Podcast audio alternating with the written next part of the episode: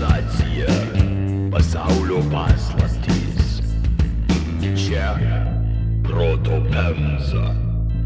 Yra tokias dalykas kaip virvelinė kultūra. Už tai, Jo, kad jo. vienintelis dalykas, kurį mes apie juos žinom, yra tai, kad jie naudoja virvutės savo keramikoje, bet e, tai visiškai nereiškia, kad jie tik virvėm užsieimė. Čia yra pavadinimas, kurį... Šitas faktas Naudojam. apie virvelinę kultūrą man visą laiką buvo toks tragiškai jokingas, nes ten tūkstančius metų žmonės egzistavo, turėjo savo asmeninės tragedijas, karus, pergalės, pralaimėjimus. Ir viskas, ką apie juos žino, kaip jie fucking puodus darė. Kas, kas yra set, ne? nes čia kaip po 10 tūkstančių me- metų viskas, ką žinotų apie Lietuvą, buvo, kad gerdavo kavą iš oranžinio kofeino padelio, ne? Ir vadintų oranžinę kultūrą. Tiesiog, ta prasme, nes nieko daugiau neliko. Kofeino kultūra. Jo, jo, ta prasme, būtent. Sveiki, įsijungę podcastą Proto Pemza. Antras geriausias kiekvieno traktoristo draugas, ypač pavasarį. O kas pirmas geriausias draugas traktoristo, čia toks... Uh, Būtent. Išvaizduoju savo, kad e, traktorius. O. Mieloji. Raudonoji gulinė. Iš miazmą alsuojančio buto Vilniui 140 km nuo Punsko sveikinasi šilta akis dušų supirkėjas Vilius. labas. O su manim iš studijos Vilniui taip pat 140 km nuo Punsko su paklaida sveikinasi saldžia liežuvis penelių kietintojas Povilas. Buongiorno. Tūkstančia balsis vienžmogis choras Aivaras. Džambo.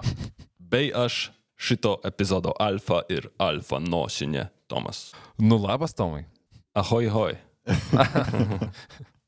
Pasiekė mane ne vienas nesubtilus klausimas apie GTR su potekste, kad e, šūdmaliauju ir kad laikas kalt šitą geležį. Čia aš rašiau. Tarp kitko, jo. Ale kaip sako Punske, nebūk tokias, priekyba pritruks tau iš galo. Rekomenduoju pasileisti fone kokį tai e, Nordr ar Vėlių namus, ar netgi Žalvarinį, bet šiandien nersim in GTR prologo prieš istorės pradžią. Trumpai apie šaltinius. e, Pagrindinis šaltinis labai daug straipsnių, straipsnių rinkiniai iš Terrajat Vezenorum. Viskas yra prieinama nemokamai internete. e, Rekomenduoju. Portale punskas.pl. Taip pat e, Eugenijaus Jovaišos knyga e, Aisčiai Lietuvių ir Lietuvos pradžia. Labai įdomi irgi, skaitosi kaip detektyvas. Bei ne vienas daktaro Manvido Vitkūno straipsnis, taip pat tikra žinių kasykla šiandienos tema. Sakais ir durpem prasmelkus gira, minėjo gausią žverieną, švarų vandenį, negailestingas žiemas ir aršius žmonės. Ledino paliktos kalvos, ežerai ir pelkės, apsuptos sengirių, saugojo jau išnykusius, bet dar nepamirštus lietuvių kaimynus. Tauta, kelusią šurpą karaliam ir kunigaikščiam, priešam ir draugam. Jotvingiai. Ale tai kas per, kas per draugai jie buvo, jeigu jų net draugai bijodavo? O tu neturi tokių draugų? Nu ne, aš kažkaip. Pažiūrėk į mane. Ne, ne, ne. Pauliau, O. ne. Tik meilė. Nu ne, neturiu draugo, kurio bijau. Nu, taip. O Jotvingiai turėjo. Tai Aivarai, tu su savo stotu esi tas draugas, tik tai. Matai, čia one way street, nu, tu Jo. negalėjai. Jo, tau Tai reiktų viršūnė. daug, daug didesnio, kad e, tu galėtai tokį turėti. Ką jūs e, žinot apie Jotvingius? Nieko. Jo, Kad beveik Punske nieko. labai, kad Punske buvo jų labai daug ir kad ten yra uh, piliakalniai, taip galima juos pavadinti. Aš nieko nežinau, bet aš iš karto norėsiu užduoti klausimą, ar Tomas yra Jotvingis? Aš paliksiu jumi e, šitą klausimą. Klasiškai, kaip politikas atmušu jį atgal, o kaip jūs galvojat? Šiaip visokių teorijų turiu, Tomu, vat, minėjai, kad jotvingiai turi draugų, kurie jų bijo, Aivaras sakė, neturi draugų, kurių bijo, tai tas paneigtų faktą, kad tu jotvingis tada, nes, na, nesueina su šituo a, apibūdinimu. Bet, ne, jeigu, jeigu tu tai labai, labai nedaug žinau apie jo, žinau, kad jie buvo, žinau, kad jie baltai, tai ką ir mes visi ir mūsų klausytojai tikriausiai žino. Gal dėl sąskambio su pavadinimu, bet jotvingiai labai asocijuojasi su vikingais. Uh, tai tikriausiai yra visiškai uh, fakefacts.com, bet, uh, bet kažkas pasąmoniai užsi, užsifiksavęs yra. Nors techniškai e, jotvingiai yra tik viena iš genčių, ale epizode naudosiu jotvingių vardą apibrėžti jotvingiam, suduviam, dainaviam ir palekiam, a, dar žinomiem kaip paleksienai. Ačiū už sudavius. Tai... Jo, taigi keturios gentys, bet aš visas jas vadyšiu šito epizodo remušę jotvingiai, dėl paprastumo. Realiai šiuo metu mes turim tris jotvingių palikonis, ne? E, Šitam e, podcast'e, jeigu taip, taip jeigu suduvius skaičiuot. Jeigu, tai kiti net netiek svarbu, nes šitie tie, tie trys ir etnografiniai, etno- etnografinės kraujo linijos reprezentuojamos. Nu, bet kaip tau, kaip žemaičiai, ir ko bijo, žemaičiai kaip ir rykštė visai. Visų kitų gaujų. Bet vienintelis žmonės, e, mane laikantis žemaičių šiuo metu sėdi vaidilutės gatvėje. Ei, bet dabar sėdėsim kaip su paskirstimo kepurė, galėsim išsirinkti. nu, Kartais e, jotvingiai yra grupuojami kartu su prūsais ir rašoma per brūkšnį prūsai jotvingiai, ale apie prūsus bu, bus mažam dar kažkada atskirai. Tai juos palikim pagal kas ramybei. Gerai. Šita vakarų baltų gentis pagal skirtingus mokslininkus skirtingais laikotarpiais gyveno Dzukijos, Šiaurės Lenkijos, vakarų Baltarusijos žemėse ir kabino netgi kažkiek Šiaurės e, Ukrainą. Taigi Alitos, Lasdėjai, Naugardokas, Drohiečinas, tikrai Suvalkai, Augustavas, ypač Elkas ir Goldapė. Supaprastysiu ir visiškai netiksliai e, šitas žemės vadysiu senosios Jotvos pavadinimu. Paprasčiau vesti epizodą tiesiog. Jotva, ne? Jotva, jo. Joptva. štai ir paaiškėjo vieno e, dažniausiai naudojimo rusiško kiksmažodžio kilmė. kilmė ja. Arba jeigu jis anksčiau buvo, tai tiesiog ta vieta gimė iš tokio užkliuvimo kažkur. Čia, man atrodo, tą sakydavo rusai atsiradę Jotvai. Taip, taip. O, būtent. o, ups. Neblogą posakį girdėjau nešiniai, kad istorija tai yra 90 procentų geografija ir 10 procentų sveikas protas. Ir kad suprast jotvingius, mes turime apibrėžti šituos du dalykus. Pasaulį, katram jie gyveno, ir taisyklės, katrom kėdais reikėjo vadovautis. E, Yra kažkoks laikotarpis, e, kada jie, na, buvo, e, egzistavo. Kada konkrečiai proto-indo-europiečiai tapo aisčiais, o aisčiai tapo jotvingiais, mes nežinom. Ale aisčių datavimas prasideda grubiai nuo 3-4 amžiaus prieš mūsų erą, jotvingių 5-6 mūsų eros.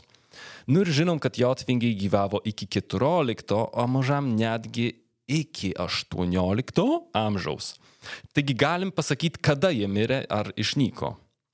Tauta išlikus pusantro, o mažam netgi pustrečio tūkstančio metų. Yra ką prišimyti. Mhm. Ei, čia daug. Mes taip uh, paėmė į perspektyvą, ne? Mes čia po Kristaus, uh, paskutinis milstonas datoms. Tai ir yra maždaug tiek. Čia va, kaip, kaip dabar baigtųsi viskas už kokių 300 metų, ne? Ir Nu. mes būtume gyvavę tiek pat, kiek jotvingiai buvo. Ja, kurių niekas neatsimena. Taip, man būtent, that's scary, kaip viskas dinksta. Tai uh, prašau papasakoti. Kap prieš, nu, primeskim, tūkstantį metų atrodė senoji Jotva. Pasak tarp vyriausybinės klimato kaitos komisijos naudojimų modelių, apie 800 metus vidutinė temperatūra šiaurės pusrutuly galėjo būti 1, o mažam netgi 1,8 laipsnio Celsijaus žemesnė nei 2021. Na, reikia čia turėti omeny, kad tas vienas laipsnis vidutinis skirtumo gali reikšti ne minus 6 žiemą vietoj minus 5, o minus 36. Oi. Kitaip sakant, tai reiškia daug, e, daug, daug aršesnės žiemas. Tai įsivaizduok, būt pusę, kokia nors karta, kur pusę laiko būna, kai būna šalta ir tada pusė jų gyvenimo staigiai atšyla labai smarkiai. Tu manai, kad griūna dangus. Ir tada kita karta, kuri gyvena, kai vėl keitėsi viskas. Įdomu, ar mes, pavyzdžiui, ką nors tokio panašaus išgyvensim greitai. Jo, Nieko, įsivaizduok, nieko neprimena. Nelygimtum 90 metais uh, uh, tarptautinės taikos metu ir atsibręstum ir pasižiūrėk, pasaulis velniop nueitų per paskutinius kokius penkis metus kartu su klimatu. Jei! Wow. Dabar besiklausydamas apie Jotvingius, aš galimai gal išgirsiu galimą pabaigą, vieną iš scenarijų. Ir kadangi panašus laikotarpis bus, kiek mes būsim vat, nuo nulinių metų, right, praleidę, tai visai bandysiu šalia statyti, kaip dabar viskas vyksta. Baisiai įdomu. Yra da įdomesnių įrodymų. 2010 metais Lenkijos geologai Jotvingių žemėse, konkrečiai Šipliškių kaime, kuris yra apie 5 km nuo Punsko, atrado 13 tūkstančių metų senumo amžiną įšalą. Taigi prieš 12 metų rado amžiną įšalą 356 metrus po žeme. Ką tai reiškia, Tomai? Ką tai reiškia? Palyginimui, Lietuvos pietuose, gražant gilin, vieną kilometrą temperatūra pakyla 30-35 laipsniais Celsijaus. Kuo giliau kasiesi, tuo karščiau. Tai reiškia, kad Jotvingių žemėse yra kažkokia anomalija, kuri išlaikė šaltį, ta prasme žemę, kuri neatšyla aukščiau nulio visus metus, kurį paliko dar prieš 10 tūkstančių metų pasitraukęs ledynas. Dėjom, čia rimtai, čia Lenkijos šiaurėje, ne, yra šalia Punsko. Jo. Toks, toks, toks dalykas.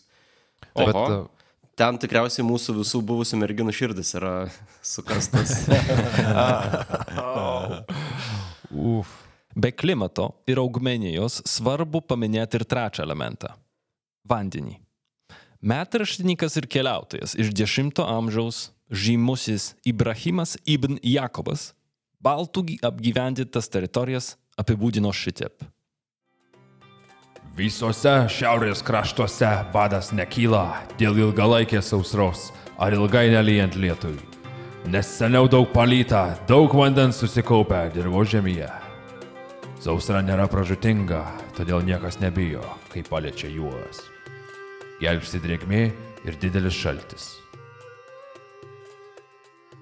Jotvingius supia ne tik ežerai, ale visų pirma pelkės, kas yra baisiai gera apsauga. Ypatingą santykį su ežerais pastebėjo ir švedų mokslininkas Olafas Falkas. Jo manimu, iki pat 20 amžiaus Jotvingių apgyvendintose žemėse išsivystė unikalus žvejybos būdas, kur metami tinklai būdavo traukiami per valkstis, per tokias uh, negilias ežerų įlankas. O pavadinimas Suduva galimai reiškia pelkėtą vietą. Bet biški brakonieriai buvo. nu tai aišku. Nesisuk, nesisuksi, negyvensi. Saugomus krokodilus ir baziliskus mečiojo. Ale Jotvingių istoriją išnarpliot padės mumi mėgstamiausi antikos laukinių gyvūnų importuotojai ir daugiamečiai nukryžiavimų čempionai - romenai. Kaip visada. Kaip visada išnyra. Never forget keltą mane. Take our life. Kaip rašo Eugenijus Jovaiša, Aisčiam priskiriamose žemėse surasta pusantro tūkstančio romėniškų monetų. Ir surasta jų Jotvingių žemėse. Mankūnuose, Butrimonyse, Čižūnuose, Nemajūnuose. Tarp jų monetos su Konstantino I užvadino miestą, Nerono sudegino miestą ir Marko Aurelijaus mirė gladiatoriaus pradžioj. Monetos. Man labai aišku šiaip. like I'm five. Tas toks. Jovaiša mano, kad jie iš graikų perėmė paprotį dėti monetą laidojant artimą. Užmokestis Haronui. Ale gintaro kelias pasako mums kur kas svarbesnė informacija. Kad vietos ekonomika buvo antiek naši ir išsivystius, kad romėnam apsimokėjo keliauti pavojingų sausumos keliu paršivežti gintarą. Ne saujom, o dėžėm. Jeigu teisingai suprantu, gintarą pardavinėdavo už monetas, kurias naudodavo tik tai religiniam apieigom, ta prasme, kaip dabar gautum dolerius už kažką ir juos tiesiog pasidėtum į karstą, ne, nenaudodamas visiškai kaip ekonominio kažkokio produkto. Čia turiu du atsakymus. Vienas, įprastai archeologai, jeigu nežino, kam daiktas yra skirtas, jeigu randa fidget spinnerį ar selfie sticką, kuris yra 2000 metų senumo, jų pirma reakcija yra ritualinis. Mhm. Tai yra spėjimas, bet e, rasdavo kartu su palaidotu žmogum, mhm. nu, tai kaip ir neblogas spėjimas. Labai prastai skambėtų, jeigu būtų religinis kafeino padelis arba Mhm. religinis fidget spinneris. Bet ar kavos gėrimas nėra tam tikras ritualas? A. O dabar išsivartyk iš fidget spinnerio. Atsipalaiduot padeda. Savo momentą turi dienoj, grįžti pavargęs iš, iš nežinau, šokių būrelio, ar kur, kur ten tie vaikai vaikščiai dabar. Aha. Ir savo nori paspinyti. Jo, jo. Gatvėje visi palik, palikti vyrai tiesiog fidget spinnerius. Žmona pikta vaikai verkia, o tu suki ant pirštą. Nei vieno rūpeščio pasaulyje, žinai, ne. O antras atsakymas yra tas, kad tai nereiškia, kad jotvingiai ėmė tik tai monetas už gintarą. Jie ėmė viską, ko jiem reikia, plus monetas. Nu, tau vis tiek reikia geležies, pavyzdžiui, ne? Ką dar romenai gamino tokio ypatingo vyną. Žodžiu, kokios prekės jie nori, tokią romenai atsiveža. Mhm. Aš norėčiau tikėti, kad jotvingiai vis tiek sugebėdavo kaip nors išmainytas monetas po to su kokiais prūsais ar dar kokia nors kita gentim kaip kažkokiu tai a, apmokėjimo vienetu. Nes jeigu, kaip minėjau, visose Baltų teritorijose monetos randamos buvo, jie visi turėjo suprasti kažkokią vertę šito dalyko. Kaip rašo italų paleontologas Alberto Angela, Gintaras vežamas nuo Baltijos jūros. Vietos tautos jį renka ledinėse pakrantėse. Joks romėnas ten nenukeliauja. Tai pernelyg pavojinga. Bet yra didžiulis mažų vietų vežėjų tinklas, jie kaip skrusdėlės gabena gintaro gabaliukus į Romos imperiją. Keliauja takeliais, kuriuos žino tik jie. Šie takai sudaro gintaro kelią. įdomiai labai turėtų atrodyti, kaip apibūdina visą, visą kelią, toks kaip nėra niekieno administruojamas, ne, bet yra vis tiek kažkokia bendra struktūra, ne, nes daug žmonių turi pakeliui veikti tam, kad tas kelias iš viso, iš viso būtų. Nėra, jeigu teisingai supratau citatą, tai nėra, kad vienas žmogus nubėga nuo, nuo Lytaus iki, iki Romos, ne, yra ka, kažkam perduoti pakeliui vis, bet vis tiek kontroliuojama pačių aiščio, ne? Tai ne, nu, ne, nėra, kad persimeta kažkurioje vietoje, na, persimeta tikriausiai, ne, kuo arčiau Romos, tuo labiau romėnai daro tą perikūpinimo procesą. Nėra vieno atsakymo. Vieni šaltiniai teigia, kad e, čia buvo vien tik tai slavų kontroliuojamas Vyslos visas kelias. Yra tokių, kurie sako, kad visas kelias beveik iki pat Alpių buvo baltai. Kiti sako, kad čia germanai, aišku. Iš tikrųjų, kaip galėjo būti, manau, visai tikėtina, kad kažkuriuo momentu kažkuri viena tik tai grupė ar viena gentis turėjo kontrolę per labai labai ilgą kelią, bet tai lygiai taip pat tikėtina yra, kad tai buvo, nu, kažkokios tai sienos, kažkokios mm vietos, kur surenkamas muitas. Jo. Taip pat nepamirškim, kad čia ir visa infrastruktūra aplink tai buvo. Gal žinai, ar tuo metu gintarą rinkdavo tik tai, ar būdavo gintaras ir kasamas, kaip dabar, man rodos, Kaliningrado srityje yra, kur ten kasa jį. Uh, nežinau. O, okay, nes kažkaip įsivaizduoju, kad e, būtų e, karo belaisviai paimti aiškių siunčiami į, į milžiniškas gintaro kasyklas, žinai, toks spar, Spartako momentas, kur ten daužo ma marmuro sienas, kad išimtų tą vieną kristaliuką, bet, bet tikriausiai ne, nebuvo, nebuvo šitai. Hollywoodo versijoje aš šitą ir šitą vietą.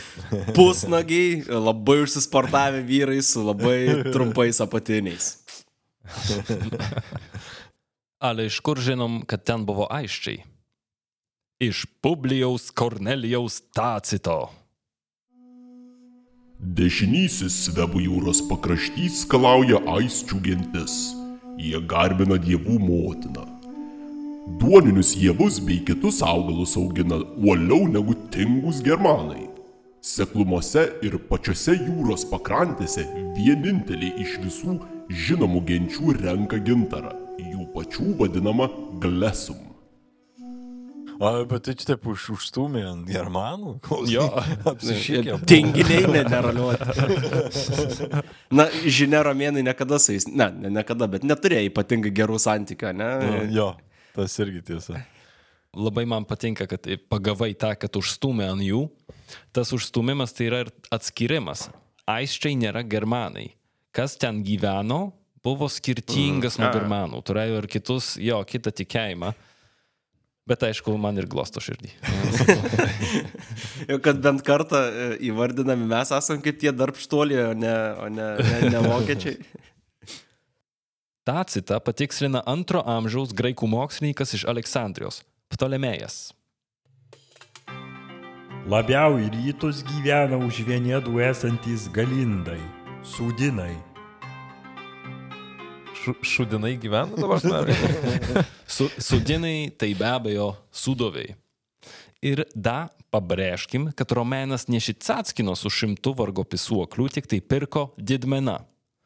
Antram amžiui. Seni, čia romėnai, nepamirškim, tų laikų amerikiečiai yra. Jeigu perka, tai masyviai daug, kad užtektų. Jo, Jo. Perka daug ir pigiai. jo. Ką tai sako apie jotvingių susitelkimą? Kad buvo gintaro supirkimo ir apdirbimo centrai, tarpininkų ir vertėjų tinklas ir kontaktas tarp vakarų civilizacijos ir aiščių. Pacituokim archeologą daktarą Manvydą Vitkūną. Man vidai! Vakarų baltų kultūra išsivystimo lygiui iš esmės prilyksta antrajam latinizuotojo germanų pasaulio genčių išsivystimo lygiui. Žemdirbystės išsivystymas, aukšto lygio keramika, metal... Puikiai, Paulai, puikiai. Keep up the God. Tursa God's work visiškai.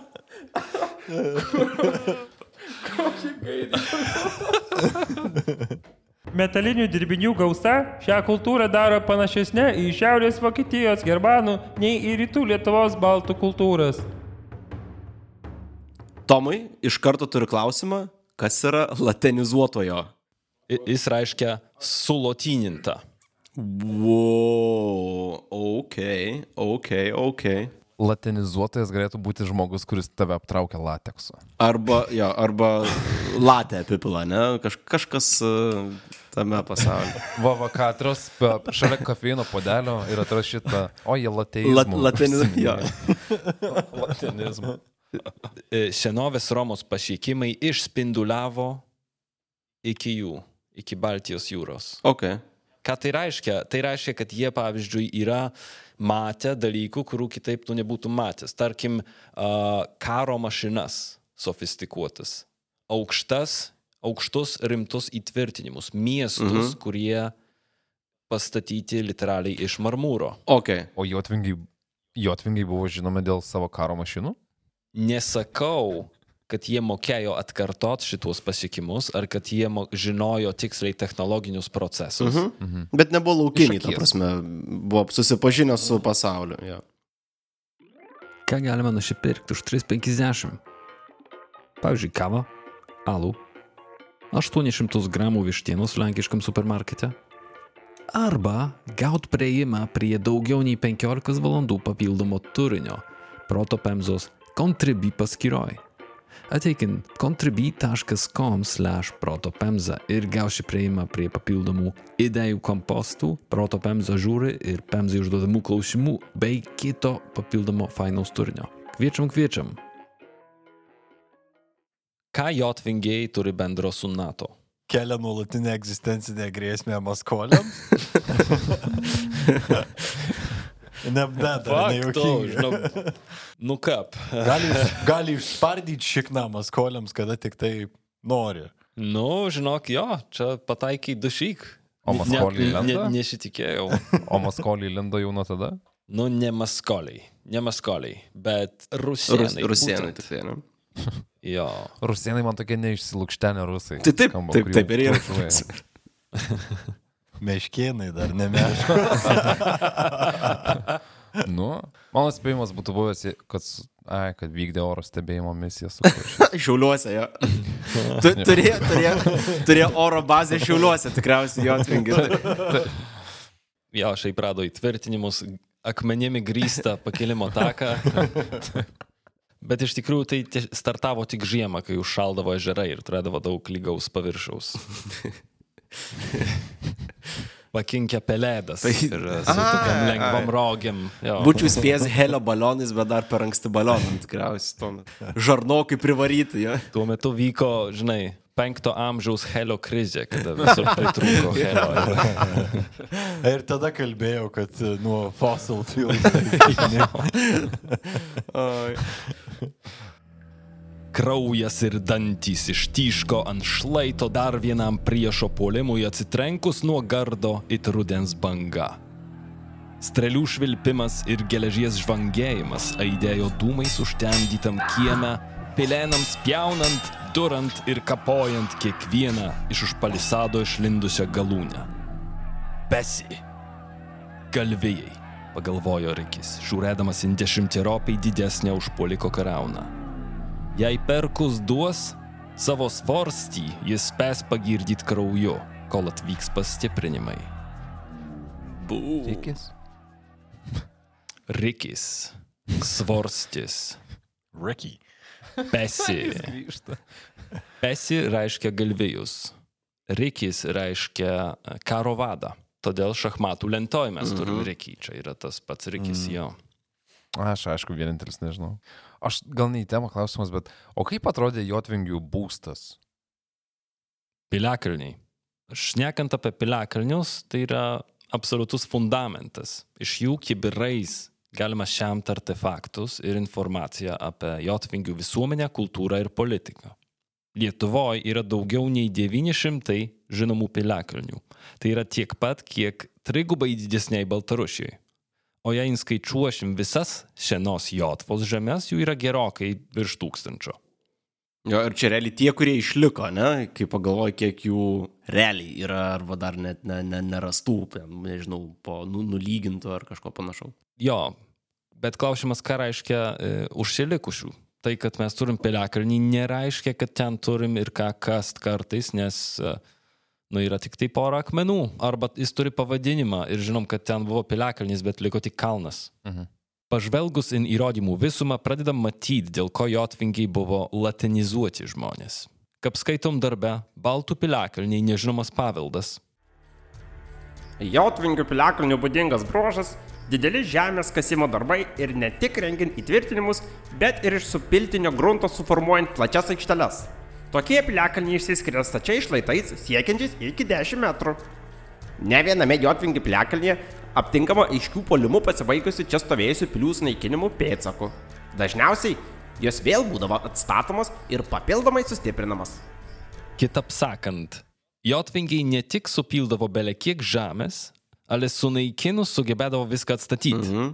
Ant kiek turėjo būti organizuoti, kad sukurt dešimties metrų pylimus, nulygyti kalvos viršų su primityviais, tikriausiai iš esmės įrankiais, ir pastatyti kilometrus siekiančias trijų sluoksnių sienas, o pralaimėjus mūšį viską iš naujo atstatyti ir tęsti lyg mhm. niekur nieko. Jo, čia, man rodos, labai geras pointas yra pabrėžti, kad buvo organizuoti žmonės, nes dažnai kažkaip, kai galvom apie praeitį, labai suprimityvinam tikriausiai ne, ne, nesuvokdami, kiek daug reikalauja būtent tokie elementarūs dalykai kaip aukštos sienos, kad, na, tai nėra net ir ten šimto žmonių darbas, reikia labai, labai, reikia iš kažkur gauti medžiagų, reikia rei- visą logistiką įgyveninti, reikia žmonių, kurie moka Reik tą daryt. mokėt tai Taip, padaryt. reikia mokėti, skaičiuoti, kad tos sienos nenugriūtų. O, na, yra labai, labai daug visokių papildomų a, papildomų dalykų, kurių, na, bent jau aš anksčiau tikrai kažkaip ne, ne, negalvodavau, atrodo, na, yra pilis, ką, ką čia, žinai, pastatyti pilį, blėt, bet kas gali, ne? Bet realiai ne, ta prasme, toli, toli, toli gražu. Nu. Jo, man ir, man ir šitas pasirodė iš tos netgi administracinės pušės įdomu. Tu turi turėti žmonės, kurie yra dedikuoti tik tam, kad išvaryti kažkur, pririnkti resursų reikalingų, pastatyti tą sieną ir pastatytų per kuo greičiau. Tai Emma Goldman nebūtų pritapus Jotvingių gretose. Čiūjų ten anarchizmo nebuvo. O gal? O gal, gal kaip tik? Archeologai netoli suvalkų atrado įrodymų, kad jotvingiai įvaldė hidroponiką. Jie turėjo aukštutiniai pily išsikešę prūdus, kad ruošia tvarų būdu augino žuvis, suteikiančias maisto ir geramo vandens, pavyzdžiui, apgulties metu. Damn. Tai tu turi baseinėlį, iš kurio net išgyveni. Mhm. Savo kiemę. Mhm. Ant, kaln, ant kalno. Įsivaizduoju, pirtelę kažkur šalia to, to stovi. O tai būtinai.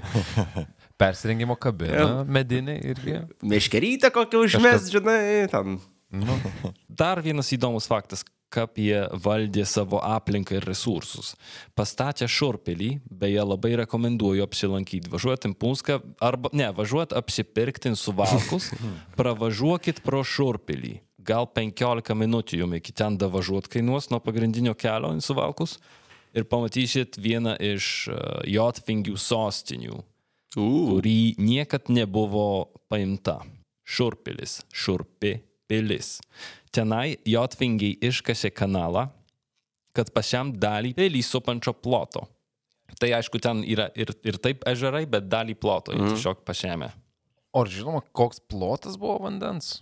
Ir gylis, pavyzdžiui, aš noriu sužinoti, kiek- smarkiai čia buvo kliūtis. Uh, nuvažiuok, pamatysi. Jo. Vėl jis atsimažino. Ir aišku, jie kalė savo geležį, išgaunama iš balų, durpinių ir opių. Ir tada lydė ją krosnyšę, uh, kurios vadinosi rudnios. Iš čia pavyzdžiui yra kilęs rudnios, netoli Ulos, netoli Varenos kaimas. Ar rūdiškės taip pat, Rūdininkai. rūdininkai galbūt jo.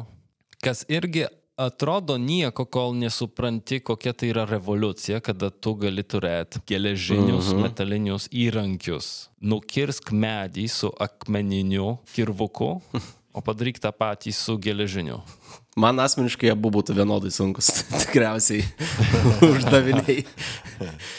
Bet Tomai čia, jeigu teisingai su, suprantu, išgaudavo geležį iš fucking pelkių? Mhm. Jo. Ką? What? Ta prasme, ko mes dar turim, ta prasme, gal reik, reikėtų paieškoti, nežinau. E, imdavo, imdavo kartu su žeme už tai, kad ten, kur yra geležies, purvynas yra raudonesnis. Tai turė, ma, matė, kurioje vietoje galima tikėtis tos geležies. Iškasdavo, man atrodo, ją kažkaip reikėjo skalaut, plaut. Tada labai aukštoj temperatūroje degit, mm -hmm. tada gauni kažkokius tokius beformius grūdukus, rūdą. Ir tada tą rūdą gali perlydyti actually in įrankį, kurio tau reikia, e, bet dar tau paskui reikia iškalt gerai, mm -hmm. ir išpoliruoti, ir išlygyti, ir užaštryti, ir taip toliau ir panašiai. Man taip įdomu, ki... Ornamentuoti. virveliam tikriausiai iš, iš pietų. Jo.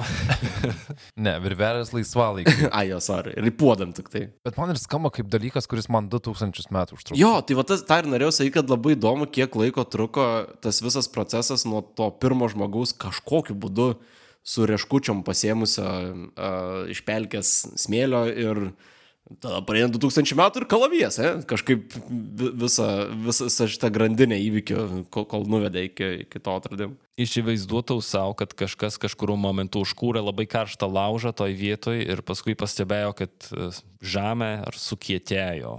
Pastebėjo tada, kai vienas iš prie laužo buvusių bandė šokti į šalia buvusią pelkę ne? ir uh, pasirodo, kad danga kieta, nebe vanduo. Ats... Nešok tai giliadas. jo, jo, jo, atsimenant legendinis. Pelių atstatymas liūdija, kad lietuvių kaimynai buvo skaitlingi. Neradau patikimų skaičių, kiek žmonių siekė Jotvingių populiacija 13 amžiui. Ale pasak Kestučio Subačiaus, darbe sudovių tremtiniai įžymieji gintariautojai Semboje, Prūsijoje tuo metu gyveno apie 170 tūkstančių žmonių. O. O Petras Dusburgietis rašė, kad Jotva galėjo išstatyti trigubai skaitlingesnę karauną nei prūsų gentys. Taigi galima spekuliuoti, kad Jotvingių buvo bent panašiai kaip prūsų, jeigu ne trigubai daugiau. O, pislus ir Vilnius Kaunas. Archeologai pastebėjo, kad be didelių rimtų piliakalnių su sudėtingais įtvirtinimais visa Jotva ir Lietuva yra nušėta ir smulkesniais. Neretai vietovėse katrų pavadinimai labai panašus - sargenai, sargūnai, sauginiai, lauksargiai, atžvalga, atžvalginė. Ir šitie piliakalniai, anot geologo Vinco Vaitonio, yra išsidėstę, kabutėse, palyginti taisyklingai. Dėl to, kad viena iš piliakalnių funkcijų buvo perdavinėti signalą puolimo metu. Kitap sakant, jotvingiai turėjo kolektyvinės gynybos sutartį. Pam, pam, pam. Tai čia tas panašumas į NATO. Jo. Okay. Kaip suprantu, jie uždegdavo laužus ant savo pilių, kad galėtų perduoti e, signalą apie puolantį priešą, ne? Taip, tikrai taip, bet vad klausimas, kiek ir kokios informacijos ir per kokį atstumą tu gali perteikti su dūmais. Rekomenduoju apsilankyti ant didesnio piliakalnio. Ta prasme, vaizdas yra ar, arčiausiai kalnų, ką lietuvis gali turėti, neišvykęs į kalnus. Tai vis tiek yra tokias, nu, įspūdingas vaizdas, mhm. koks atstumas tiksliai, nežinau, priklauso nuo vietos.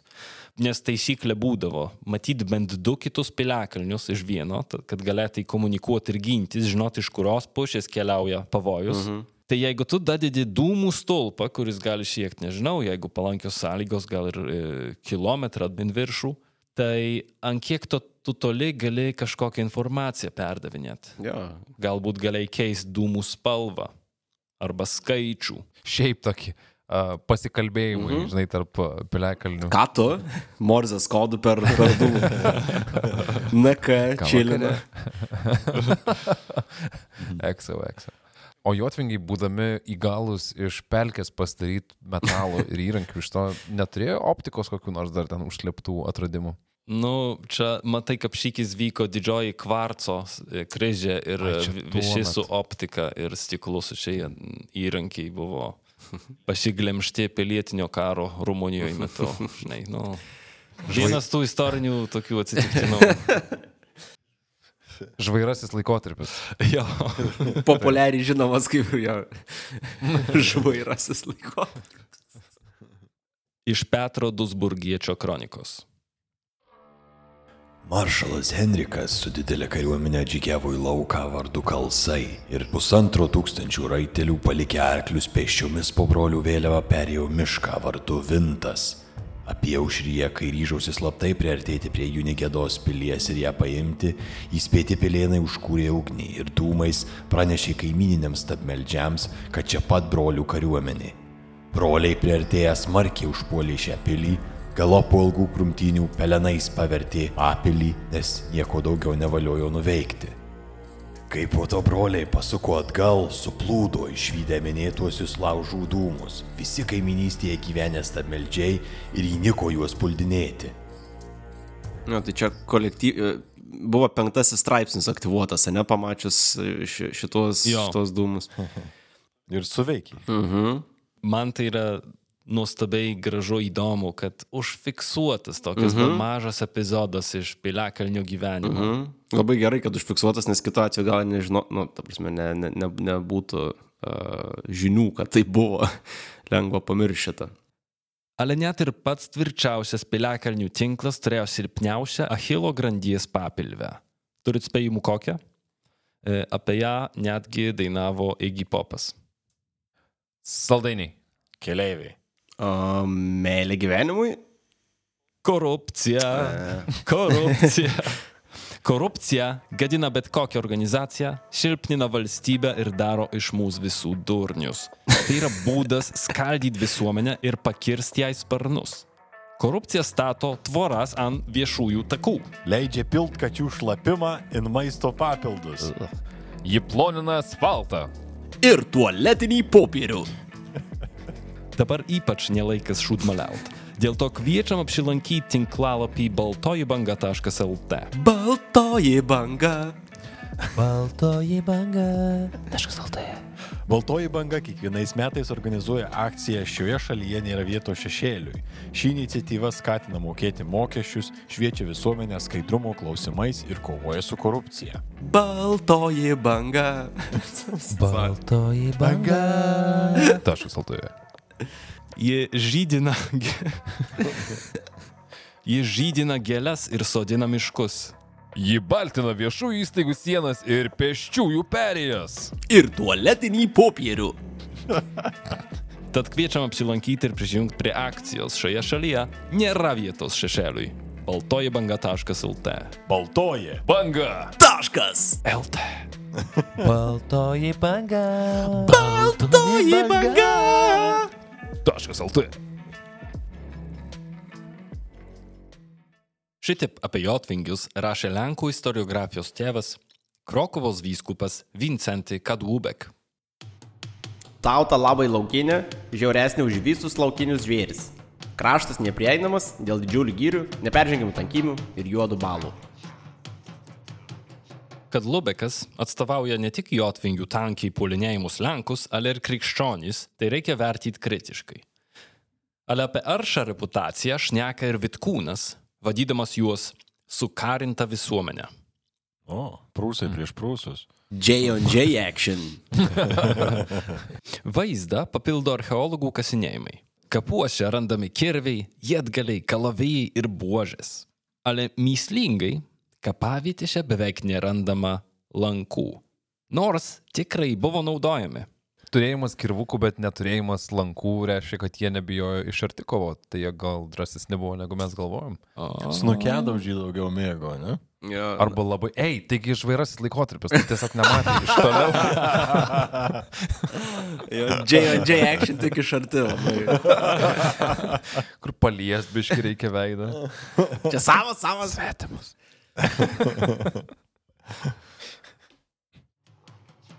Jotvingių lankininkai minimi Haličio Voluinės metraštyje.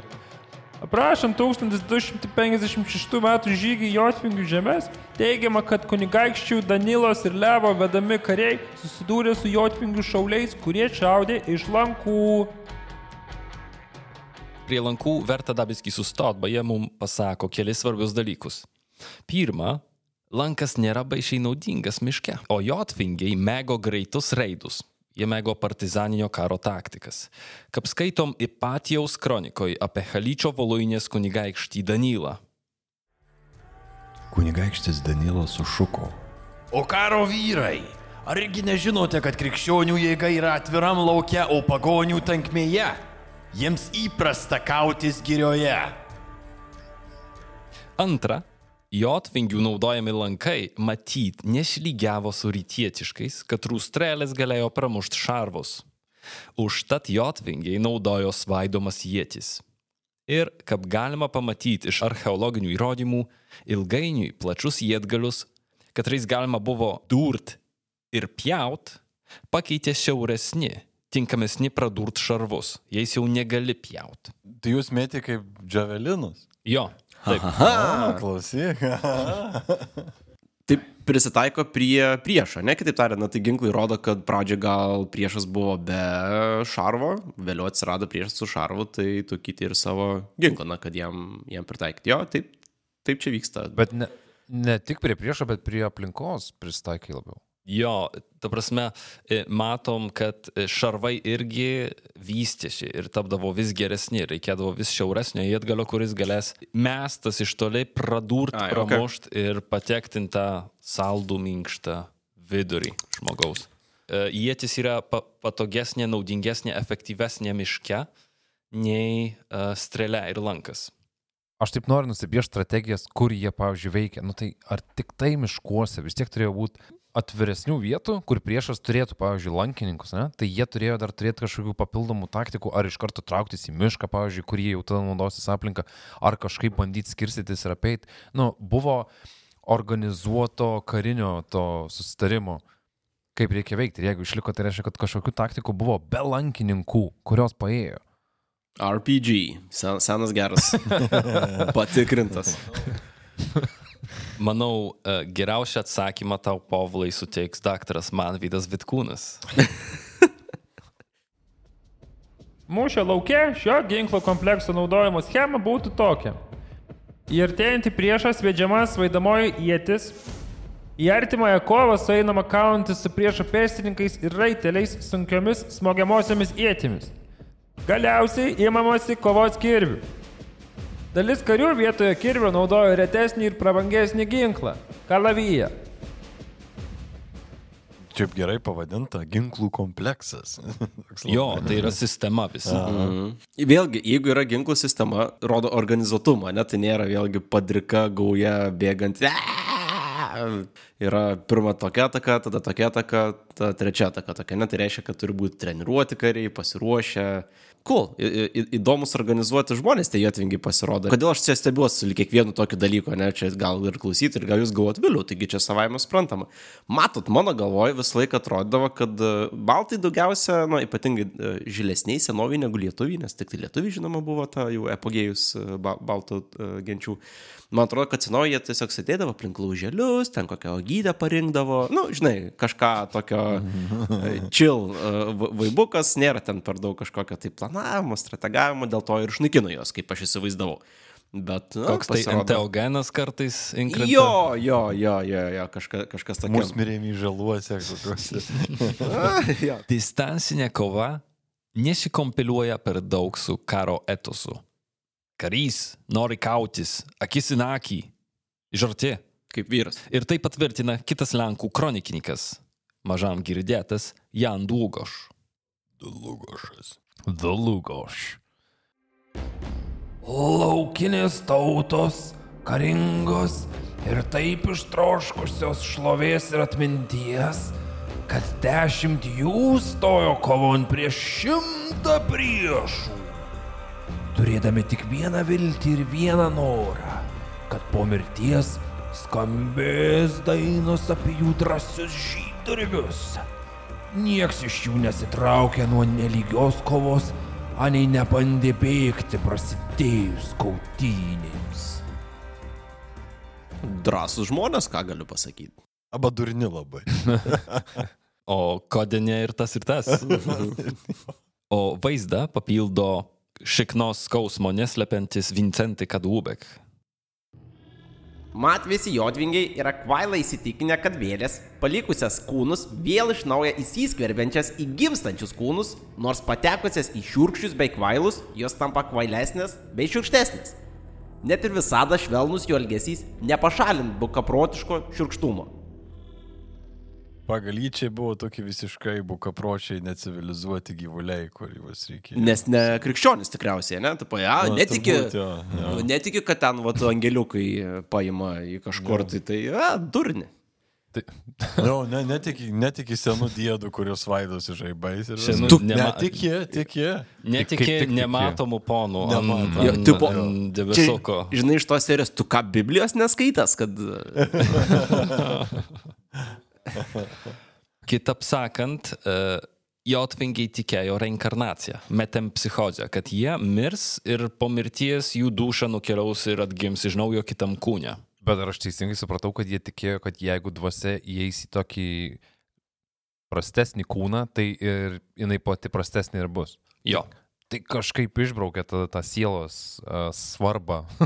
Priklauso viskas nuo to, į kokį kūną pateksi, nes, nu, siela neužgožia, ta prasme, kūno, tai toks biški. Bet čia, žinai, gaunasi paskata treniruoti savo kultūrą, kad kiekvienas būtų geras tikriausiai, ne? kad ainių sielos patekusios į tavo kūną nesuprastėtų dėl to, kad tu aslas ir nu, tavo močiutė, kad netaptų blogesnė, kuri mirusi yra. Tokia irgi pa pamokėlė visai. Ką reiškia kovot su priešu, kad jis nešibijo mirties? Sunkia kova reiškia tikriausiai Tomai. Jo, aš, aš neįsivaizduoju, net nesu tokio situacijos. Trumpą kovą? Tau. Jo, baisę kova visai turėtų būti. Inirtinga. Vien žinojimas, kad jie tokie, aš jau per atstumą turbūt gal būčiau pribaigtas net ne jotvingio, o, pavyzdžiui, širdies smūgio. Kreipiu šitą į tą, ką reiškia būti jotvingio kaimynu. Čia ta baimė, apie ką aš nekėjom. Uh, Jo. kad ir... Ei, kaimynai dar nereiškia, kad turi būti draugai. Um, Jo. bet ar jie buvo žinomi kaip uh, skriaudikai, tokie, kurie pirmi pradeda konfliktus? Ar jie, atro, ar jie buvo konfliktiška bendruomenė? Jie dalyvavo konfliktuose, bet čia yra sistemos bruožas tų laikų. Mes žinom tik tai iš kronikų apie juos tokius definityvius e, dalykus. Kronikos dažniausiai būdavo rašomos tik tai svarbius dalykus aprašai, dažniausiai svarbi, svarbus dalykai yra konfliktai. Ir jeigu tu nedalyvavai konflikte arba neišlikai, tai apie tave nėra prasmės rašyti. Marmūrais ir mozaikom puošti rūmai skambėjo nuo muzikos ir juokų. Karalius Teodorikas gerai žinojo, kaip padaryti įspūdį šiaurės gentims. Nors laikėsi romeniškai, bet širdį buvo gotas. Ir kaip kiekvienas gotas, jis gerai žinojo apie aiščių vertę. Pasiuntinius jis prieimė kaip tikras valdovas - su puota ir dovanom. Teodorikas jautė, kad karas su vandalais ir Bizantija laiko klausimas. Todėl jo karalystėje Ravenoj reikės kiekvieno skatiko ir kiekvienos rankos, gebančios laikyti ietį ir kalviją. Teodorikas Didysis, valdęs Italijos pušesalį, tai yra Romos imperijos likučius šeštam amžiui, su talentu ir drąsa laviravo sudėtingom karo, bado ir maro ir kokio tik nori nestabilumo sąlygom. Tikriausiai dėl to, kad išsimokslino Bizantijos dvara, tai yra Romos imperijos likučių, uh, likučius sušemušioj valstybei Graikijoje, Turkijoje. Suprato, kiek svarbu yra palikti rašytinių šaltinių. Vienas tokių šaltinių - laiškas aišku delegacijai, kurį parašė Flavijus Magnus Aurelijus Kasiodoras. Iš atvykusių jūsų pasiuntinių supratome, kad labai stengiatės su mumis susipažinti, įdant prisidėtumėte prie mūsų sumanimo.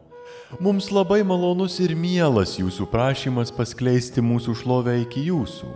Todėl labai širdingai pasveikinti jūsų ilgėdamiesi pareiškėme, kad per šio laiško nešėjus jūsų pasiūstas gintaras buvo priimtas su didžiausiu dėkingumu. Todėl dažniau pas mus atkeliaukite keliais, kuriuos atrado jūsų meilė, nes visuomet būna naudinga įgyta turtingų karalių santarvė, kurie, kad ir maža dovana pamaloninti, visuomet pasirūpina didesniu atlygiu. O geras, tai ar čia yra toks kaip ir rašytinis įrodymas, kad e, jotvingiai ar aiščiai ar kažkas iš baltų buvo susitikę su karaliumi ir čia jau tas korespondencija po to, kai karalius jau sulaukė dovanų po susitikimo? Taip, tiksliai taip. Visai, visai bigdinės tokia atveju, ne tik, kad buvo susitikę, ne tik, kad potavo, bet ir užmėsgė diplomatinį ryšį ilgesniam laikui. Ir jeigu karalius išsiuntė laišką, reiškia, kad ne tik, kad mokėjo ten planuoti visus kažkokius dalykus, ne, kurių reikia išgyventi civilizacijos, bet ir uh, skaityti mokėjo, kas yra labai, labai didelis uh, dalykas. O kieno iniciatyva susitiko jie? Mes nežinom. Spėčiau, kad jeigu na, didelės teritorijos perėmės, kuris yra na, turtingas, sakykime, susitinka su, su jais, tai e, ne tai, net, gal ne tiek svarbu kieno iniciatyva, bet kad jam svarbu buvo susitikti, nes kito atveju tiesiog ne, neskirtų laiko šitokiam mhm. vizitui, ne? O skyręs laiko nebūtinai užrašytų. True. Mhm. Čia beje buvo tik fragmentai, laiškas ilgesnis, mhm. ale tas trumpas tekstas yra vis tiek iškalbingas. Ką jis mums pasako? Jis pasako, kad 360 metų po Ptolemėjo sudoviai ar prūsai neišnyko, surinko delegaciją ir pasiuntė ją nuo Baltijos iki Adrijos jūros. Pacituokim laišką. Prisidėtumėte prie mūsų sumanimo. Teodoriko sumanimas kokis jis yra? Nežinom. Ale žinom, kad jis karavo su Bizantija rytuose, su Frankais vakaruose, su Vandalais pietuose, Tai nebuvo labai draugiškas kaimynas. o kas iš šiaurės buvo? Alpes įgina. Tai vienintelė priežastis, dėl ko į visas pusės jisai nesikauna, yra kalnai. Ir vanduo į kitas pusės. Tikėtina, jo, jo. Ir žinom iš šito laiško, kad aisčiai apie Teodoriką iš vis yra girdėję ir maža to jie norėjo valingai su juom susikontaktuoti. Už tai, kad laiškas žymė ne pirmą bandymą ir manoma, kad tai buvo aiščių sąjunga, o ne vienas karalius ar viena gintis. Jų buvo aštuoni, gal dvylika. Visi savo ritmiškai, maksimaliai susikaupę, tačiau keistai atsipalaidavę. Ant prakaitų išsiliejusių veidų rodėsi determinacija, entuzijazmas ir saldus ekstazės apkabinimas. Vis trumpėjančius dūsavimus staiga nutraukė viena jų, atsistojusi ir nužingsniavusi link vaišių stalo. Jos oda blizgėjo deglų šviesoje, o lengvai pravertos lūpos, raudonos it prisirpusios avietės, godžiai gaudė kiekvieną vandens lašą. Pažintys xxx.com tai seniausia Lietuvoje pažinčių suaugusiems bendruomenė. Ha! Ko toks išbalęs povilai? Kraujas paliko galvą. Pažintys xxx.com turi per 800 tūkstančių registruotų vartotojų. Tai portalas skirtas svingeriams, poroms, BDSM ir panašių susidomėjimų ieškotojoms ir ieškotojams. Mažam dabar atsiras tenai grupsas ir, pavyzdžiui, jotvingių cosplayeriam. Na žinai, kad jau per karantiną pasileido OnlyFans alternatyvą, tai kodėlgi ne? Matos, a, draugas pasakoja, kad vystosi neblogai visai. Pažintys xxx.com. Pažintys. Pažintys ne kiekvienam. Aš žinau, kad reklama, bet pabaigsi pastraipą. Aišku, aišku. Gurkšnis po gurkšnio, jinai aptuštino stiklinę. Gležna ranka pastatė ją atgal ant stalo. Nejučia pasitaisė rankšluostį. Ir mergina grįžo į pirtį. Na, nice, Tomai, ploju liežuviu. No, let's. Jotvingiai neabejotinai susidūrė abiejose kalavijo pusėse su geriau dokumentuotais ir populiaresniais studijų draugais - vikingais. Ant kiek stipriai? Apie tai mums sako populiariausias vikingų amžiaus vardas.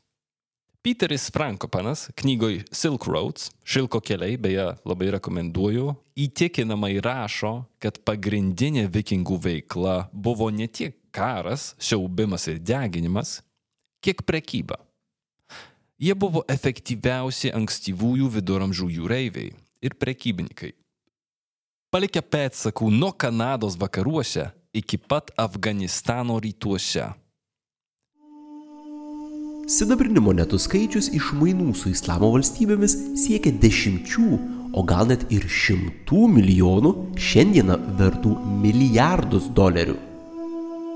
Tai išvedė paralelę su jotvingiais, tai jis skaitėsi kaip tokie mm, garsesni pusbroliai ar kažkas tokio jotvingiams. Noriu pasakyti, kad kultūriškai tikėtina, kad buvo labai daug panašių bruožų tarp vienų ir kitų.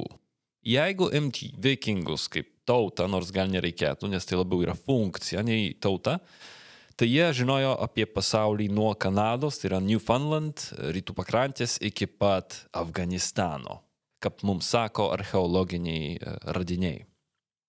O kas jotvingių nukeliavo kur nors dar toliau? Pačių jotvingių. kas- Pačių jotvingių, kas, kad žinotume, kad jie irgi iki ten toli siekia. Va čia, čia e, neturiu atsakymo. Tikrai e, arabai labai noriai ir e, e, dideliais kiekiais importavo kailius. Virvelės. Batraiščius jo. Ir tonerus printeriam. Tikrai neturėjo turbūt tokių unikalių dalykų, kurių negalėtų rasti kitur.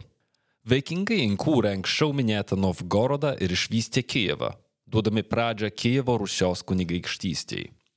Šitie miestai buvo pakeliui iš Baltijos jūros į Vidurio Azijos karalystės. O pagrindinė vikingų prekė? Vergai. Nors internete žmonės labai pikti, ale tarp mokslininkų nekyla didelių ginčių, kad anglų kalba žodis slave, vergas, kilęs iš žodžio slav, slavas. Nekyla dėl to, kad panaši priklausomybė egzistuoja pavyzdžiui ir arabų kalboj.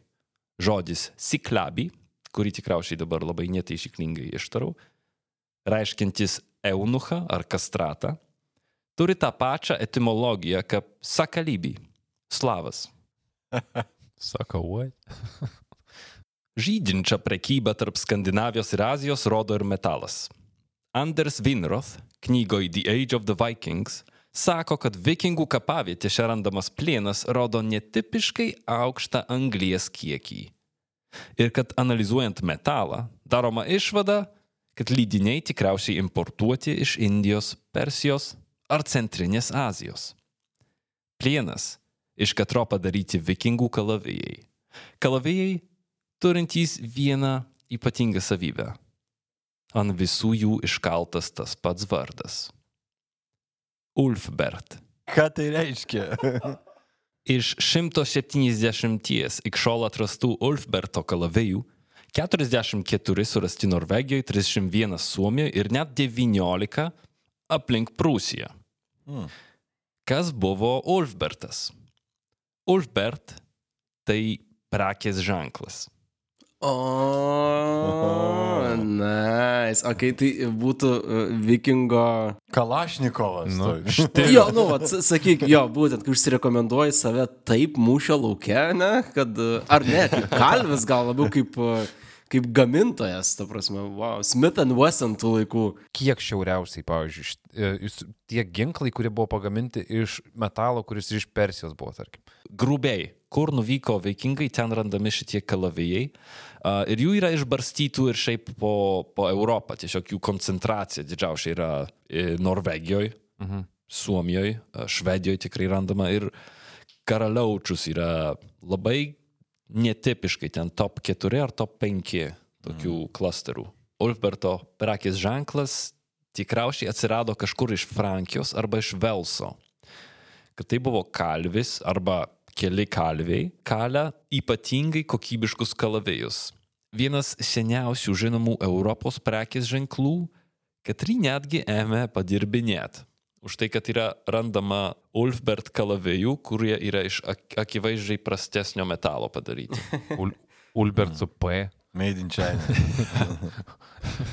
Olofbert.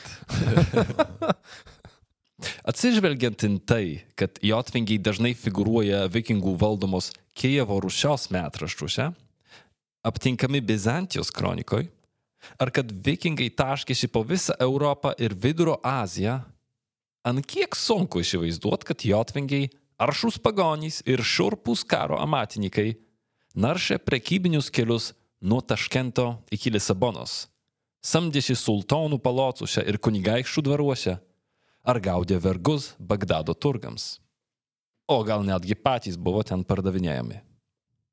Koks visai kitoks paveikslas dabar man piešia. Aišku, balta drobė prieš tai buvo, bet uh, labai į tokią kietą pusę pasisuko čia jotvingiai. Čia irgi tas faktas, kad uh, neturim konkrečių rašytinių šaltinių leidžia uh, susikurti ir, na, įdomesnį vaizdą e, šiek tiek negu mano minėta čil žmonių šilė sėdinčių, bet, bet dalyvau, dalyvaujančių, uh, na, bent jau bendram kažkokiam kontekste su pačiais vikingais, ne? Tai visai, visai įdomu, norėčiau įsivaizduoti juos marširuojančius per visą, per visą Europą su padirbtais kalavijais ir stumdančius, žinai, kažkur tai. Jo, ir šitas vakuumas, toj balta dėme atsiranda iš to, kad mes nelabai mokinomės ar aiškinomės e, pasaulį to meto, 6, 7, 10 amžiaus. Žinom, kad kažkas vyko, bet, nu, nėra laiko, nėra laiko. Reikia mokytis mokykloje apie Mhm. daug svarbesnius žalgyro mūšį, apie e, GTR, apie sąjūdį, nu, tik tiek spėsi pereiti medžiagos. Mhm. Jo, jo, taip, taip, faktas. Galvodami apie žymiausią jotvingį, daugelis negalvoja. O tie, kas turės atsakymą, tai numes Skomanto vardą. Ale mus pasiekė skurdi, tačiau ypač gardi informacijos nuotrupa apie kitą karžygį gyvenusį 300 metų anksčiau. Ingvar Rörikson, dar vadinamas Igoru Senuoju, Kievo Rusios valdovas, 941 metais kirto Juodąją jūrą ir atvyko tiesiai į imperijos sostinę, žinodamas, kad Bizantija viduržėmio jūroje karauja prieš arabus. Galbūt imperatorius Konstantinas VII sulaužė prekybinę sutartį su Kievu, ale Igoris dėl jos neliūdėjo. Jis gavo pateisinamą priežastį su tūkstančiais laivų, pilnų skandinavų, slavų, aisčių ir kitų samdinių, smogt tiesiai į romėnų paširdžius ir sudegint Konstantinopolį. Pagrindinė Konstantinopolio gynybinė taktika - baisulinis geležinis lencūgas saugantis jautriausią miesto vietą. Ale grandinė pasirodė bejėgė prieš lengvus ir mažus Igoro laivus. Igoris nesitikėjo, kad bizantiečiai išsitrauks savo slaptą ginklą ir bjaurų surprizą. Gynėjų vadas, Bardas Fokas, įsakė labiausiai patyrusiem jūreiviam išplaukti su 15 miestui likusių laivų aukšto denio dramonais. Igoris, matydamas, kad priešas išstatė vos 15 laivų kovai su jo tūkstančiais, įsakė juos paimti. Jeigu įmanoma, sykiu su įgula. Ale Kievo pajėgos, apsupusios dramonus, buvo pasitiktos su romėnų superginklu, įžymiom graikiškom ugnim. Viduramžių laikų napalmo. Nuo liepsnojančios kyščio nesaugojo nei vėjas, nei lietus, nei maldos perkūnui, nei jūros vanduo.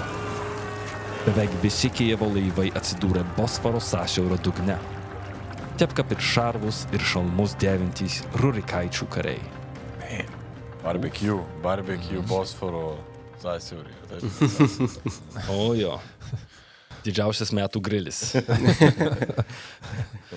Aišku, tai nebuvo vienintelė gynybinė taktika, už tai, kad Konstantinopolį nuo sausumos pusės supė 10 ar 12 metrų plytinės sienos, 6 metrų storumo, žodžiu, tai buvo nepaimama tvirtovė, bet jie atplaukė nuo jūros pusės. Vos su gyvybė išlikęs Igoris pabėgo namo, o sulaikyti rusienai buvo negailestingai išpjauti. Nors smūgis skaudžiai atsiejo Rurikaičiui, Ale vos sugrįžęs į Kievą, jis išsyk ėmėsi planuoti kerštą. Po trijų metų jis iš naujo surinko kariuomenę ir išvyko į žygį. Ale šitumšyk užteko pasirodyti prie Dunojaus, kad Bizantija sėstų prie dėrybų stalo. Kovų išvengta. 945 metais Kievo Rusios valdovas Igoris Rurikaitis ir Bizantijos imperatorius Konstantinas VII pasirašė taikos sutartį iš 76 vardų įrašytų sutartį pažymėtinas vienas - Gunaras Jotvingis arba Jatvek Gunarev. Geras. Kas yra tie 76 vardai? Galiu, galiu pakartoti, ar aš kažkaip praleidau. Igoris Rodos atstovavo bendrą tautų interesą ir bendrų interesų tautas. Katrų elitas prisijungė prie šito. e, Ir tai buvo labai įvairi grupė. Galim šitą spręsti iš to, kad dokumentas vardina, kokiem dievam buvo sudėtos aukos. Ir ten buvo ir krikščionių dievas, ir pagonių dievai. Netgi atskiriant slavų e, perūną nuo baltų perkūno. Atskirai vardyti. Kas man ir pasirodė įdomu, už tai kad galvojau, kad nu čia bus vienas ir tas pats. Jie garbina mhm. dėl bent šito vieno dalyko, gal susitarkim. E, ne, mes turim atskirą. Hei, bet čia visai įdomu, nu, ta prasme, tie, tie žmonės, kur tu įvardinai, tai kaip ir sąjungininkai, ne, bet pats faktas, kad paminėtas ir Jotving- Jotvingis ir net, net yra baltų dievai išskirti, kurie maukos minėtas, visai uh, greuna mano manimą apie rašytinių šaltinių trūkumą iš to uh, laikotarpio. Čia toks vienas rimtesnių tokių artefaktų, kokius teko girdėti. Aišku, yra ir kritiškų šitai teorijai balsų iš mokslininkų, kas, kas yra ir normalu, ir manau, ok, už tai, kad reikia e, kritiškai vertinti informaciją. Alternatyvinės teorijos yra, kad jis buvo skandinavas iš tikrųjų, kad šitas vardas kartojasi ir kitose žemėse. Arba tai, kad, Gunaras, jo, yra jo, kad Gunaras nėra baisiai tokias jau baltiškas vardas. a, Fair point. Jo, taip pats kaip, nežinau, Tomas. Bet nemanau, kad tie argumentai kritiškai yra stipresni negu faktas, kad panaudotas žodis Jatvek, Jotvingis, kuris kartojasi kitose kronikose. Kaip slavai šitą žodį ištardinėjo, nu yra. Kelis šį kartojasi, tai čia nėra naujas kažkoks, čia nepavardė. Ledynas nutiesė pamatus Jotvingių kultūrai, ale sienas, čytus ir sparus pastatė žmonės. Ar šimtmečius klestėjęs mažų bendruomenių ir laikinų sąjungų būdas suleido šaknis per giliai, kad jį pakeist? Užkirto kelią sukurt valstybę? Sumedėjo senąją Jotvą? Nebūtinai. Ne vien atsitiktinumais civilizacijos gyvuoja. Jotvingių užsispyrimas, kovingumas ir uolumas išliko aprašyti knygose. Piliakalniai kalvos ir ežeriai vis dar stovi o visa kita ištirpo. Kaip ledas. Čia yra detaliausia, kiek aš viso kada nors girdėjau apie Jotvingius šiandien, kas buvo Tomai, tai ačiū tau šitą uh, įvadą, tikiuosi, paskatin, paskatinsianti susidomėti daugiau. Ir labai tikiuosi, kad gal per laiką išsivystysim tokią smagę tradiciją pasidaryti apie kiekvieną iš mūsų baltų genčių kažką, kažką panašaus, kad turėti tą geresnį supratimą, nes pasirodo, tai nebuvo žmonės, kurie gyveno taikiai. A, ne, pasirodo buvo organizuoti, pasirodo netgi sudalyvavo tikriausiai ne vienoj intrigoj to meto tarptautiniu mastu. Net jeigu, kaip ir sakė, liko galiausiai tarptautinių santykių paraštėse, bet tol, kol dar nebuvo taip, na, atitrūkę nuo savo uh, geopolitinių konkurentų, tol tikriausiai na, gal ne kaip lygiai verčiai, bet bent jau panašiai dalyvavo visose, na, karyboje ir, ir sprendime, kam, kur ir kokia žemė priklausys. Čia man irgi turbūt pirmas kartas, kaip kažkaip tai daugiau teko išgirsti. Mane mokykloje visada užknisdavo pamokos istorijos bent jau apie visus tos aišius ir kitas gentis, nes ten visada yra toks būrimas iš kavos tirščių. Dabar irgi turbūt yra nemažai to būrimo a, iš kavos tirščių, bet bent jau yra įdomu ir bent jau yra nuvedama tai kažkokia tai labiau intriguojančia linkme. Aš visą epizodą galvojau su kiekviena pastraipa turbūt ir su kiekvienu skyrium ir kiekviena maža kažkokia istorija galvojau, kodėl aš jais nesidomėjau. Ir gal viena iš priežasčių yra, kad man sunku kartais, kai tai yra gentis ir nėra a, kažkokio vieno veikėjo, su kuriuo aš galėčiau tapatinti visą tą a, laikotarpį, visą tą veiksmą, man tas sunku kažkaip įsivaizduoti, kaip visą gentį turiu įsivaizduoti. Per daug darbo. Man po vieną žmogų turi atsirasti istorija ir man yra daug lengviau. Tai čia, kai visa gentis ir jie 2,5 tūkstančio metų, tai aišku, kad man buvo neįdomu, nes tai yra per daug darbo domėtis. Tai ačiū visų pirma, kad papasakoji ir man nereikėjo apie tai skaityti. Tai norėtųsi dar išgirsti asmeniškesnę tokią uh, istorijos dalį apie jotvingius. Jeigu pamaloninsi mus, kaip Aivaras sakė, tai aš uh, pažadu savo ausis pažadėti visą vakarą tau. Ačiū už istoriją. Toks yra planas. Čia, žinai, reikia pradėti nuo pirmą iškasys duobę, o tada lieju fundamentą. Galvau, tik tada pastumė močiutę. Nors galima ir taip. Šiaip, uh, aš turiu kontrolinį klausimą, kuris atsakys į dar vieną klausimą. Tomai, ar tu turi lanką? ne, nu, eiktų, kas tau lanka, tai svaidoma jėtis gyna. Tai mano... Tas, ką tu nori naudos. Jo. Džavelinas, klasikinis džavelinas. Tai mano klausimas atsakytas. Ramiai mėgosiu. tai ačiū visiems už tai, kad prisijungėt. Norėtų ypatingai padėkoti Vilniaus universiteto geologams ir geologiams, kurie talkino su šito epizodo kai kuriom įdomesnėm tomo faktiškom idėjom, o taip pat Vilniaus universiteto politologams ir politologams už, už visus karštus linkėjimus ir, ir, ir šiaip padėkas. Ačiū Jums, net apdėgau veidą. Ir iki kitų kartų. Užeikit ant Kašneka Lenkija. Užeikit ant Kašneka Lenkija. Ant Instagramo, ant uh, Facebooko. Ačiū Jums. Ačiū Tomai. Ačiū, Ačiū Tomai. Ačiū Jums, mano mėly kolegos. Ačiū klausytojams. Ačiū mamai, ačiū visiems, dėl kurių aš čia esu. Ir viso, viso, viso. Iki. Iki. Ypatingos padėkos mūsų kokteilio tyro remėjams. Jums tradiciškai skiriu šitą haiku. Tauta išdidi. Jos dainos, žmonės, turtai pūva užkasti. Ačiū Agnijai, Agnietei, Aidai, Ainui, Aistei, Aisčiui, Akviliai, Albinui, Aleksandrui, Algirdui, Albitai, Anastazijai, Andriui, Andriui, Arminui, Artūrui, Artūrai, Arūnui, Arvidui, Astai, Audriui, Andriui, Augustinui, Aurimui, Auritai, Aušai, Austėjai, Benediktui, Besaikevičiūtai, Betonburniai, Brigitai, Dainiui, Daliai, Danui, Dariui, Davidui, žmogui vardu dėkojame Jums, Dievui, Domantui, Domui, Dominikui, Donatui, Doviliai, Džiugui, Eamon, Zaemon, Edvardui, Edvinui, Egliai, Eirimai, Elijui, Ermantui, Ernestai, Eugenijui, Evelinai, Gabijai, Gabrielėms, Gabrieliui, Gailiai, Gaudentui, Gedminui, Gerdai, Gergerdai, Giedriui, Gintai, Gintarai, Godai, Gregui, Gretai, tai ir visoms Gretoms, Gretai, Gretai. Viletkai, Jevoms, Inai, Indrėms, Inesai, Ingridai, Ingridai, Irmantui, Jolitai, Jonui, Joridai, Jovitoms, Julijai, Juliui, Jūratėms, Jurgitai, Justai, Justinai, Justinams ir Justinai, Kamiliai, Karolinai, Karoliui, Karoliui, Kerniui, Kotrinai, Kristinai, Kūgiai, Mūgiai, Kunigundai, Laurai, Lauritai, Linai, Linui, Linams, Liudui, Lukui, Lincei, Mantui, Mantvidui, Marijoms, Mar Marijoms, Marijoms, Martynams, Martynai, Medeinai, Migliai, Mikui, Mildai, Mildeliai, Mildoms, Mindaugams, Mirandai, Monikoms, Nerijui, Ninskaitai, Pauliui, Persipaliui, Pėjui, Blento vaikiui, Povilams, Rasoms, Remigijui, Richardui, Rimai, Rimantui, Ritai, Robertui, Rokui, Rolandui, Rūgėliai, Rūtoms, Simonui, Sandrai, Šarūnui, Šarūnai, Sauliui, Šernui, Simui, Simams, Simonui, Skanartui, Skirmantei, Stepanui, Tadui, Tadžiui, tavo tėvui du kartus, The Indre, Tomai, Tomams, True Aurimui, Ufonautui, Ugniai, Urtiai, Vaidui, Vaidai, Venslovaitei, Video, Viktorijai, Viliui, Vitalijai, Volterui, Vytautui ir Žygimantui. Ačiū, jūs nuostabus. Mua.